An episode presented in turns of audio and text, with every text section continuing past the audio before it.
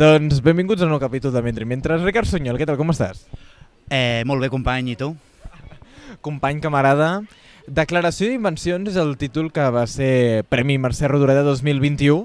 Ja som el 2022, però haurem d'esperar a veure què ens depara aquest any. Uh, però, de les poques coses que he sapigut més enllà de llegir el teu llibre, és que aquest no havia de ser el títol. Per tant, podem co començar per aquí, si vols. Què vol dir que no havia de ser el títol? Doncs el títol havia de ser Què és això, que no té nom, que de fet és el títol de l'últim relat. Jo tenia molt clar des del principi que és una, era una frase que volia dir en un relat, de fet volia dir que fos com l'última frase, i, i de fet ho és. I per mi, què és això que no té nom? És a dir, quan som capaços o no som capaços de nombrar allò que tenim davant, per mi és on comença la literatura que a mi m'interessa. No? Quan, no, quan no entens el que et passa o el que passa i llavors ho, i ho intentes descriure i ho observes. No? L'Adrià Pujol diu aquesta cosa d'emparaular el món, no? crec a mi em neix aquesta necessitat d'emparaular el món em necessités davant de, de la incomprensió i de la necessitat també de comprendre. Per tant, em quadrava que el títol fos Què és això que no té nom, més enllà de que també és una frase que sempre m'ha dit ma mare, sobretot, i que era la meva àvia, i és quan, quan estàs dinant i, i li dius, passa'm això.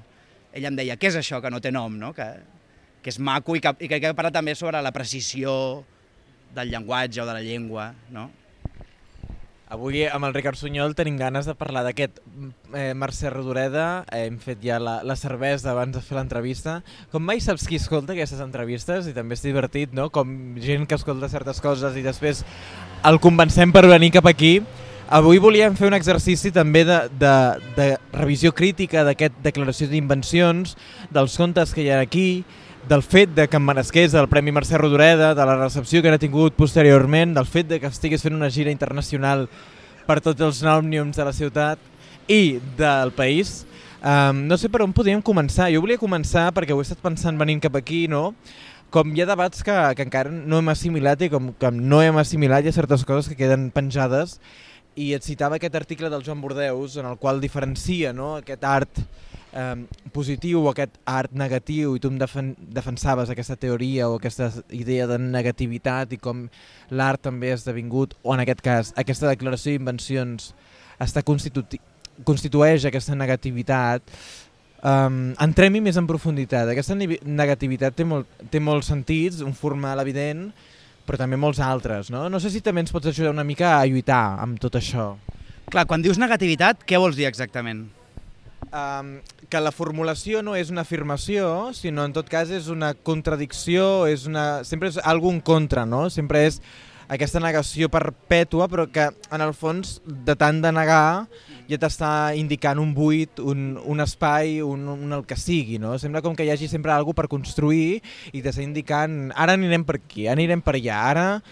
I això ho puc concretar, no? Per exemple, um, que hi hagin els noms Borja Bagunyà, Martín Giraldez en alguns dels relats, alguns noms també sospitosos en alguns altres relats, però després sospitós també és la forma en què tu injectes algunes trampes, alguns salts, alguns el que sigui, no?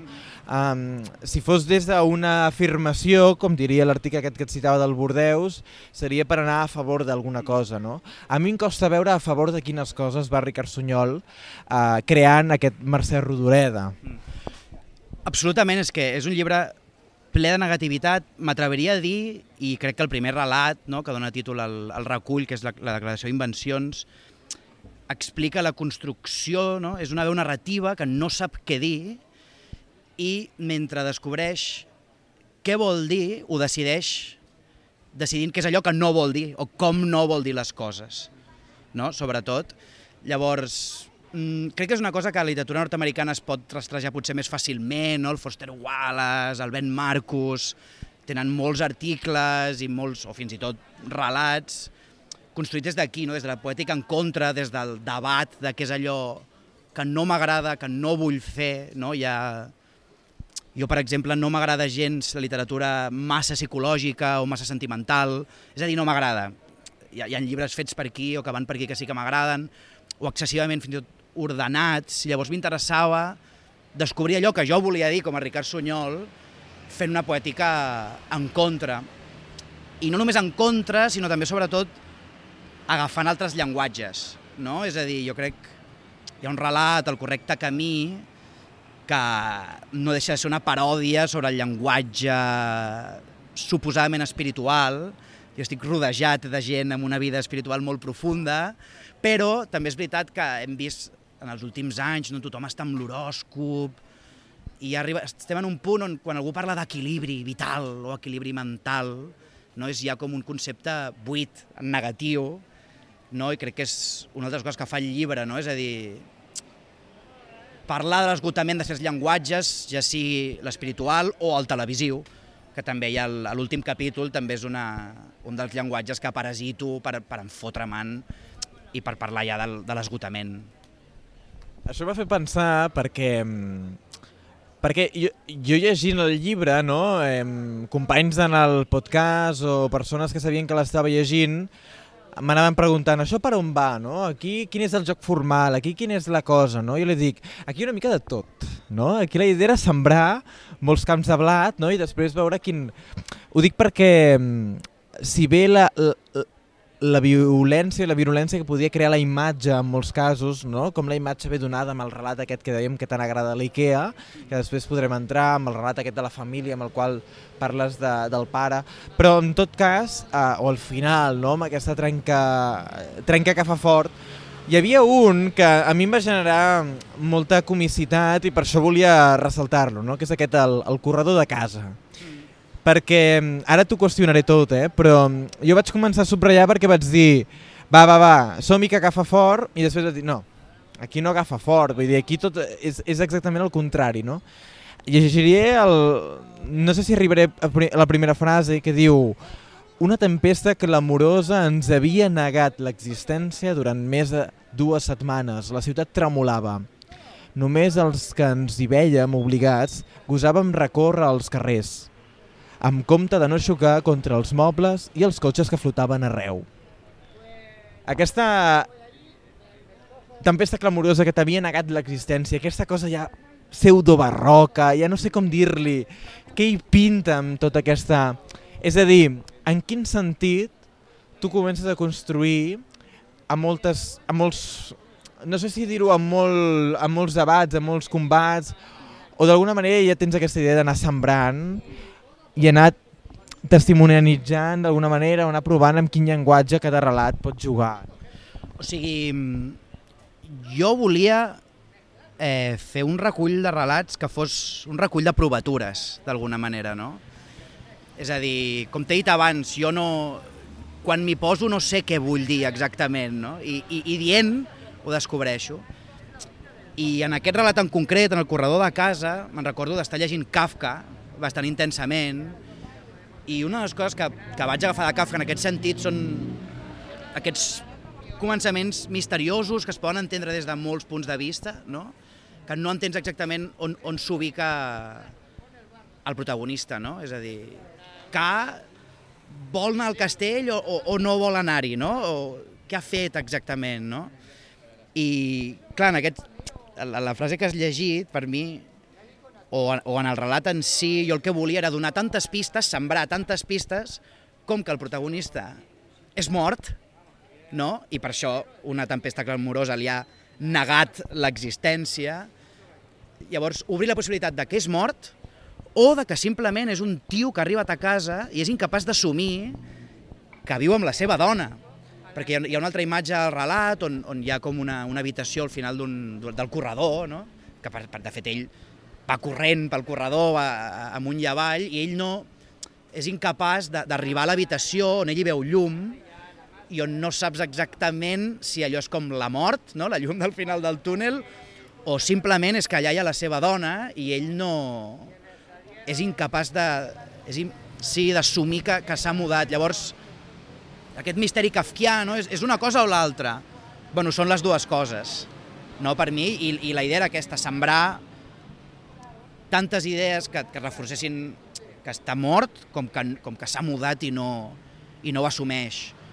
Més enllà també de la, de la transformació que pateix amb el, amb el ratolí, no? que també ho fa una mica kafkià. Sí, ara estava pensant perquè justament no sé fins a quin punt també negues la possibilitat de creure-hi que realment hi ha aquesta dualitat, perquè realment quan parles de la lluor d'autòpsia, clar, és que ja impregnes el llenguatge d'una certa vinculació amb el que dèiem, amb el llenguatge de la mort i tot plegat, que et costa a vegades donar possibilitat, no? Aquest, aquest clavegaram que també hi ha més endavant, aquesta vinculació a la infantesa. És a dir, que el joc sempre era amb el vinculat amb el llenguatge, però amb la imatge, no? I això, ara saltem amb l'equip Bagunyà en Company, no? L'altre dia l'escoltava Diana Borja, no? Com Kafka, quan entenem que Kafka no sabia acabar o no sabia treballar les estructures, no? Era que tenia molt clar la imatge inicial, la imatge final, no? i li quedava tot per relligar, no? I això m'ha fet pensar també en aquest exercici lingüístic que també ara em deies, no? També. Mira, és que la claves moltíssim, tio, perquè jo després vaig llegir aquesta frase de Kafka on no hi deia això, no? que, que s'imaginava una imatge o una escena, li venia al cap i, i l'explorava, no? Però jo això ho vaig llegir després d'haver fet una d'haver fet servir un sistema o d'haver tingut idees molt similars hi ha, per exemple, també el, el relat... Oh, com es diu? El tio que està pujant a casa, jo no me'n recordo. Sí. Eh, sí, la bona, la bona voluntat, la bona voluntat. Eh, clar, la bona voluntat, que és aquest protagonista, aquest tio que està pujant a casa i es queda paralitzat, Sí. La... No, no arribaré, no arribaré. És igual, és igual, és la bona voluntat. Sí, sí, sí, sí sé com preparar els dos a la vegada, mentre, mentre, eh? No, això, aquí, aquí, aquí, la bona voluntat, això. Bueno, la, la bona voluntat explica la història d'un tio, d'un home que està pujant a casa seva i de sobte es queda paralitzat, no? I això és una imatge que em va venir a mi un dia pujant a casa, perquè jo visc en un quart sense ascensor i, i em canso molt pujant les escales i, i un dia vaig pensar, bueno, aniré molt lent, no? i de sobte vaig pensar, hòstia, què passaria si un tio realment pujant cap a casa es quedés paralitzat. Què vol dir aquesta imatge? No?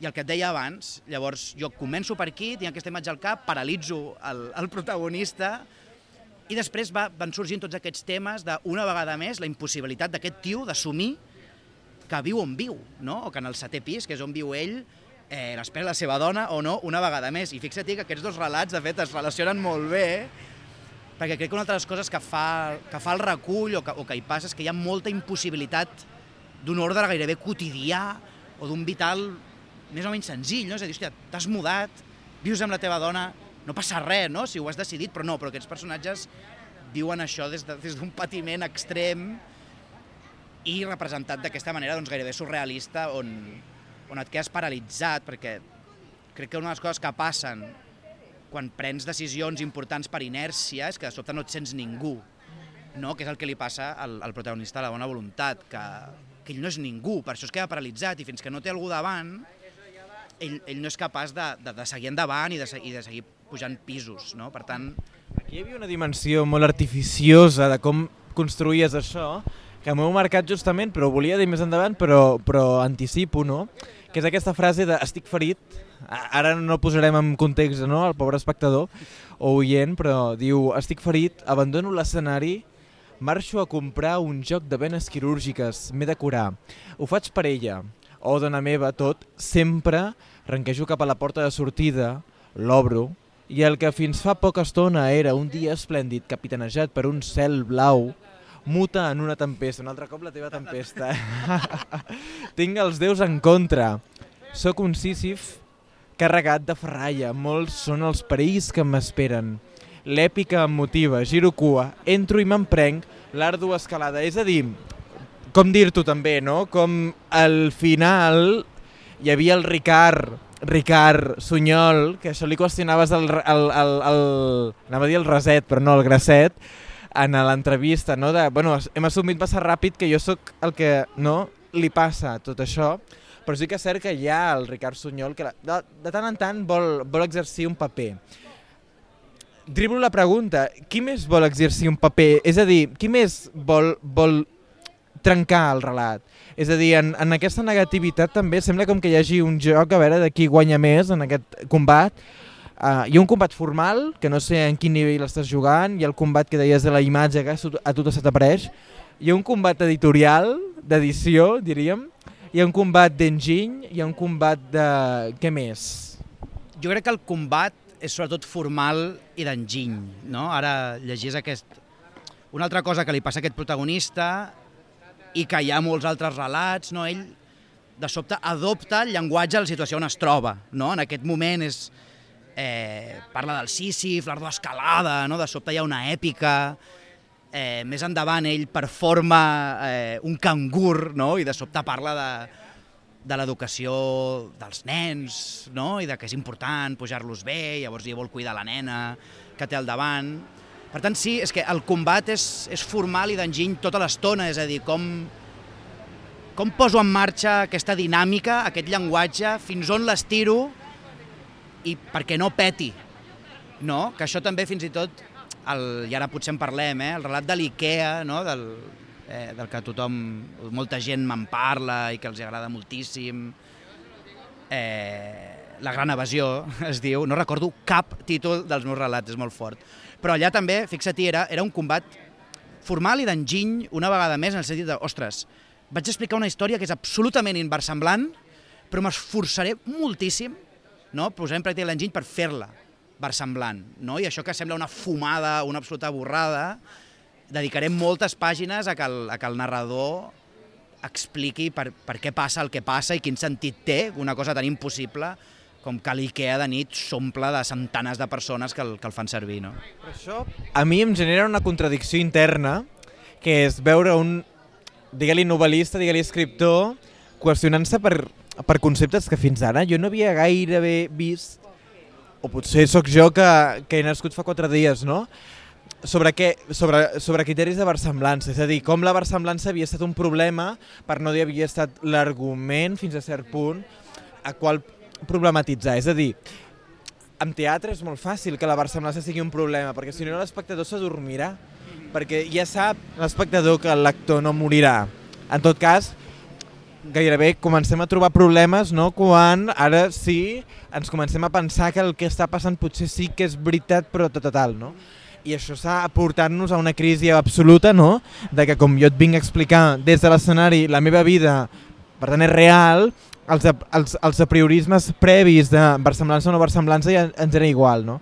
És a dir, era un debat que de tant fer ens ha sobrepassat, però que tu el vulguis problematitzar em sembla també interessant perquè el problematitzar és una forma a vegades molt formal.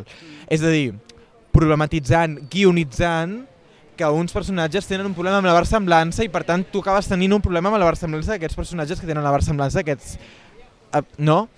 Dit d'una altra manera, com uh, el debat de la versemblança, si vist des del punt del teatre era una qüestió lingüística, de dir això no ho compro perquè això és antic, en el teu cas no. En el teu cas simplement és una qüestió d'imatge. No sé si estàs d'acord. És que jo tiraria la versemblança a la paperera, o sigui, perquè és a dir, diferenciaria entre la versemblança i les regles del joc o les, o les regles del relat, no? És a dir, no és versemblant el que explica el, el protagonista, el narrador, però quan s'esforça per fer-ho versemblant, llavors sí que cola. No? Que això també naixia una mica de... Això ho, ho comentava molt amb el Borja Bagunyà, de totes aquestes... aquest assaig pop com de fumat de porro, rotllo clerks, saps? On de sobte es posen a, a lucubrar per què els, els soldats de l'imperi o de Star Wars no es rebel·len contra el Darth Vader si els té, no? els té allà i, i de sobte és una fumada de la hòstia, però ells l'han pensat moltíssim i quan te l'expliquen de sobte té sentit, no? Però insisteixo en el que dèiem abans, és a dir, no... Una cosa és que jo pugui jugar amb la versemblança en aquest relat i en fer-la patar al màxim, sobretot també des d'una idea de, de l'alegria de narrar. No? Per mi també això era superimportant, deixar-me anar, que els personatges anessin molt més enllà, les situacions, estirar-les al màxim, fer-les absurdes, surrealistes... Sí, era... O sigui, per mi era molt important i és el que et dic, em preocupa més que les regles del joc, i, ja, i dic joc amb molt de sentit, o les regles del relat, estiguin ben instaurades, que s'entenguin bé, que no tant si és versemblant o no, o si pot passar o no. Si sempre ens quedem en els possibles, de la nostra vida, crec que ho farem avorrit. No? Ricard Sunyol, avui amb Entre Mentres, parlant-nos de versemblança. Clar, per mi justament, el que per tu no és versemblança, a mi és versemblança, no és un conjunt de codi, és gairebé una gramàtica, no? Hi ha un element que et deia, no?, de la versemblança que crea llenguatge i com també crea possibilitat, que queda marcat per la cita del Rubén Giraldez, per l'Adrià Pujol, com una declaració també d'intencions, una més de la que fa el llibre, és a dir, com dignificar una literatura que en Alici, l'Adrià defensava no, aquesta voluntat que té de, de voler escriure totes les paraules que hi ha a la literatura catalana. És a dir, com aquí també hi ha la defensa no, de que tota cosa formal passa per un control lingüístic. Que això venint d'algú que dedica a la publicitat, eh, com a mínim em sembla divertit, eh? Però aviam, és que... I això és l'Ici de l'Adrià, eh? El, el, la llengua, el llenguatge és feixista en aquest sentit. A mi m'encantaria, i espero aconseguir-ho, eh, escriure un llibre que no expliqui res, que sigui una, allò, una sèrie d'escenes, de personatges, de situacions esbojarrades, però que jo sigui cap, capaç de treure'm sí, aquesta idea feixista o impossible de, fugir de... No, és que a la que poses el llenguatge, les paraules en marxa, és que estàs explicant alguna cosa, no? Jo crec que hi han, hi han dos exemples, i ara me'n vaig al cine, que, també, bueno, que potser ho domino encara més que literatura, hi ha, hi ha dos cineastes, el Paul Thomas Anderson i el Quentin Tarantino, que són ja dos humanots de 50 llargs, etc etc, però que si veus les seves dues últimes pel·lícules te n'adones de que és algú ja a qui l'estructura, la narrativa, els hi comença a ser absolutament igual, és a dir, a mi Licorice Pizza em sembla una pel·lícula molt lliure en aquest sentit, plena de significat, però una pel·lícula absolutament descontrolada que arriba a un punt on no saps què t'està què, què, què m'estàs container. És una mica el que li podries dir, no? I jo espero algun dia, no sé si serà el següent o què serà, però deslliurar-me d'aquesta idea d'haver de, d'explicar alguna cosa en concret aquest debat que tu ara em dius, pensat des del món del teatre, ja vam tenir Harold Pinter, és a dir, ja, això ja ho hem com sobrepassat. I és on, en quin estadi d'aquesta formulació de la pregunta que ens feies estem? O dit d'una altra manera, si ara ens deies, no, vull tenir la possibilitat de no narrar res i a la vegada està podent fer un exercici narratològic, lingüístic, del que sigui, um, quina és la por? És a dir, la por és que aquest país, que aquesta literatura, que aquesta llengua no està preparada per assumir això des dels teus ulls? Jo no en tinc cap de por. Eh... o com a mínim ara em sento ambiciós pel següent d'intentar fer una cosa així. Sí que és veritat que potser hauríem de parlar de, de, de tradició, no? I si, si la tradició postmoderna nord-americana ha intentat aquest tipus d'operacions, sobretot, no?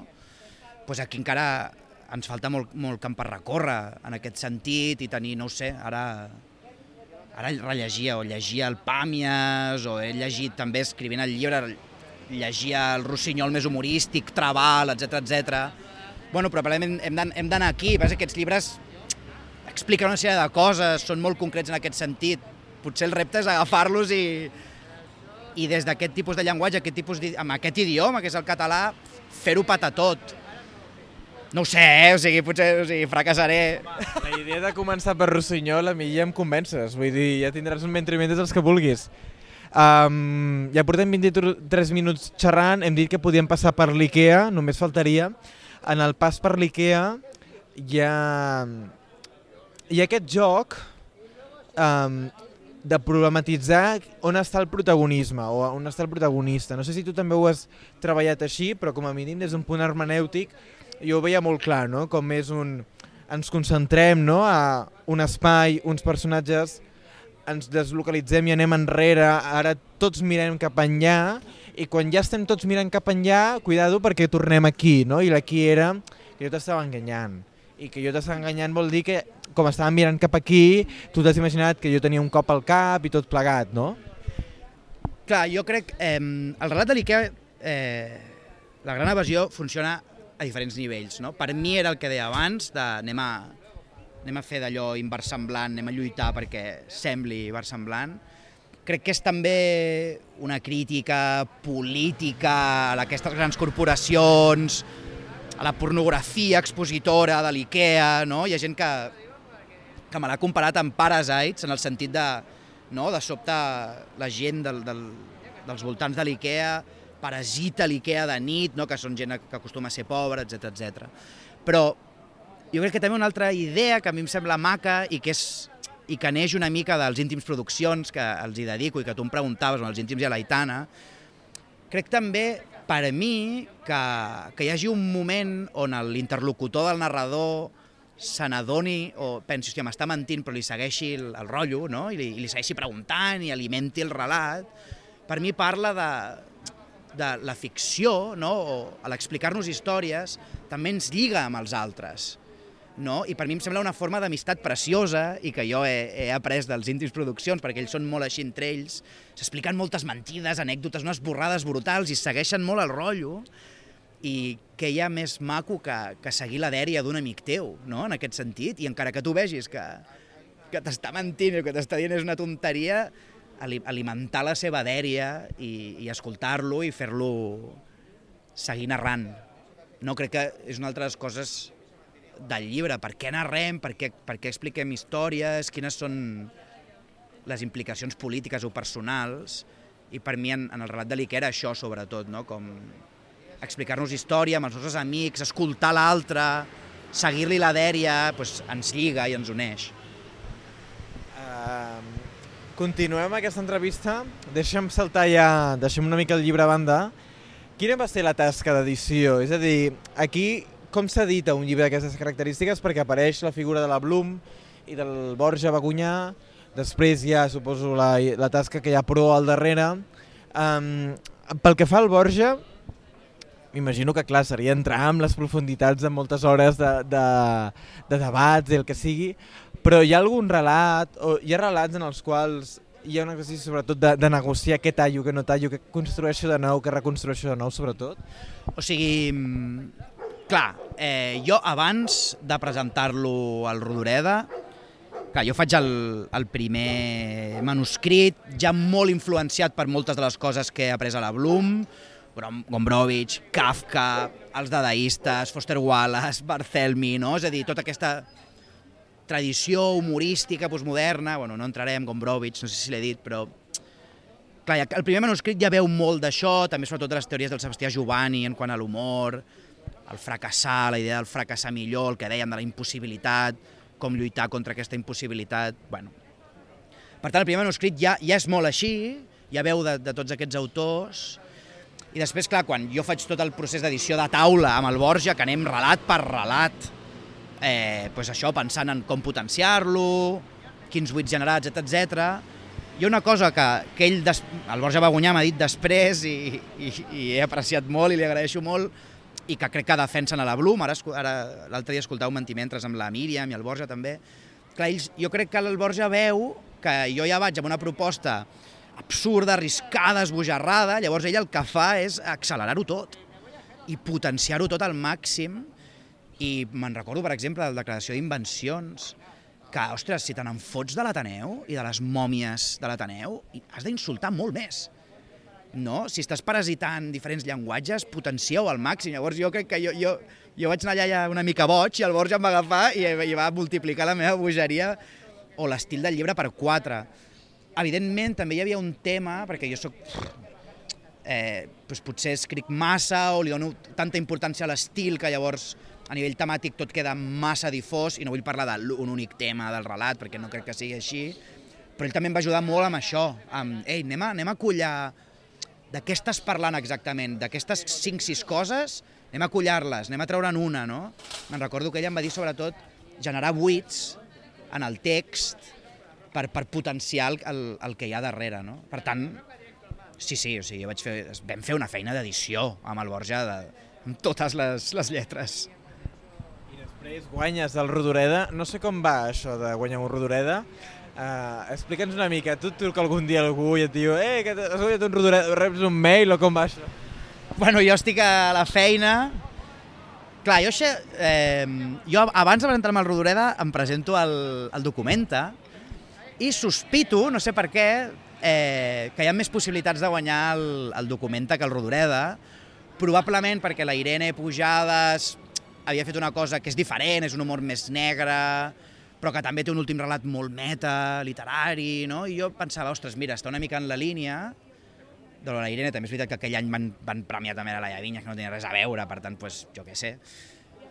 Eh, clar, llavors veig que no, veig que no el guanyo, veig que no el guanyo i mira, ho aprofitaré i ho diré i ells en el, en el, en el, quan, en el text, de, quan premien Distòcia, no?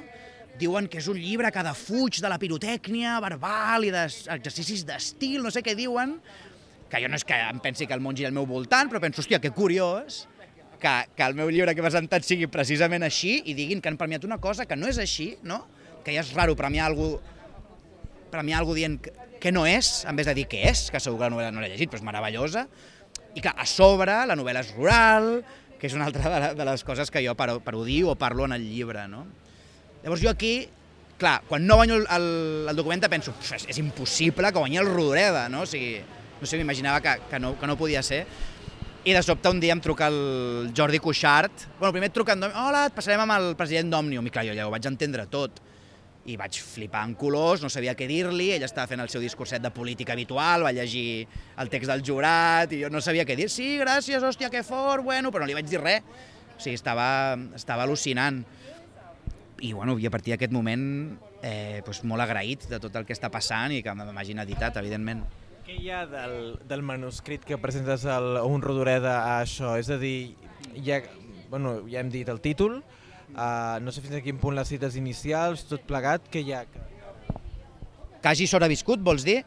Ha sobreviscut gairebé tot, o sigui, va haver molt de debat amb el meu estimadíssim editor Jordi Rodoreda, eh, sobre tres relats, el, pri, el, la declaració d'invencions, els crits eufòrics dels erudits i què és això que no té nom, que precisament són els tres relats potser més esbojarrats, més oberts, més, més difícils d'encaixar, de, i va haver un debat molt respectuós en aquest sentit. Ell, ell em va dir per què no els veia o què els hi faria, i jo ho vaig provar, no em va acabar de sortir, vaig pensar, mira, escolta, eh, que es quedin gairebé al 100% com estan.